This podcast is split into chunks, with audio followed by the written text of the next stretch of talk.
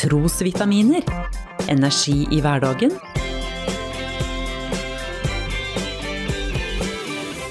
Ved Norea-pastor Svein Anton Hansen. Nei, det der bibelgreiene, det tror ikke jeg på. Vi trenger ikke flere eventyr enn vi har i Asbjørnsen og Mo. Orda blei sagt med en bestemt og tydelig tone. Det skulle ikke være noe tvil om hva mannen mente om Bibelen. Han anså den for å være ei eventyrbok, på lik linje med norske folkeeventyr og andre sagn.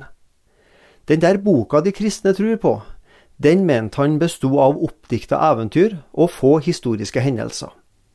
Jeg tror ikke mannen med den avvisende holdninga er alene om å tenke at Bibelen kun består av fri dikting og vandrehistorier som har blitt forandra mens de har blitt fortalt fra den ene generasjonen til den andre.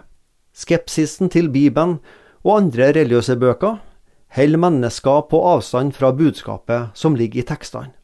Vel består Bibelen av fri dikting og religionsfilosofi, eventyr og udokumenterte fortellinger, så har den ikke større verdi enn hva som helst roman eller diktsamling som gis ut i vår tid.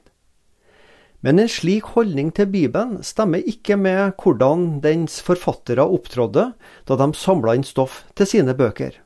Bibelens forfattere var nøye med at det de skrev, var historiske hendelser og ikke religiøs ønsketenkning. Legen Lukas startet sitt evangelium med å understreke nettopp historisiteten i det han skriver.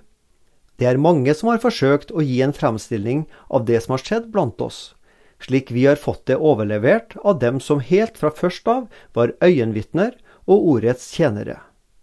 Nå har jeg gått nøye gjennom alt fra begynnelsen av, og har besluttet at jeg vil skrive det ned for deg i sammenheng, ærede Theofilius, for at du skal forstå hvor pålitelig det er, det som du har blitt undervist i.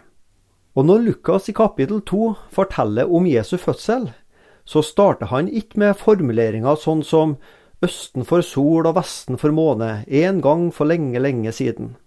Nei, Lukas forteller at Jesu fødsel skjedde mens navngitte personer, som keiser Augustus og landshøvding Kvirinius, levde. Jesu fødsel legges til byen Betlehem i Juda, ikke til luftslottet Soria Moria.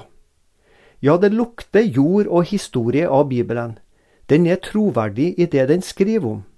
Derfor skal vi ikke godta at mange avfeier Bibelen som eventyr, en fabel. Nei, i stedet viser Bibelen seg fabelaktig presis i sin gjengivelse av historiske hendelser.